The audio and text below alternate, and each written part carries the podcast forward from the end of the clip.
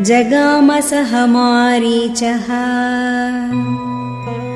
तस्याश्रमपदम् तदा तेन माया विना दूरम्। अपवाह्य नृपात्मजौ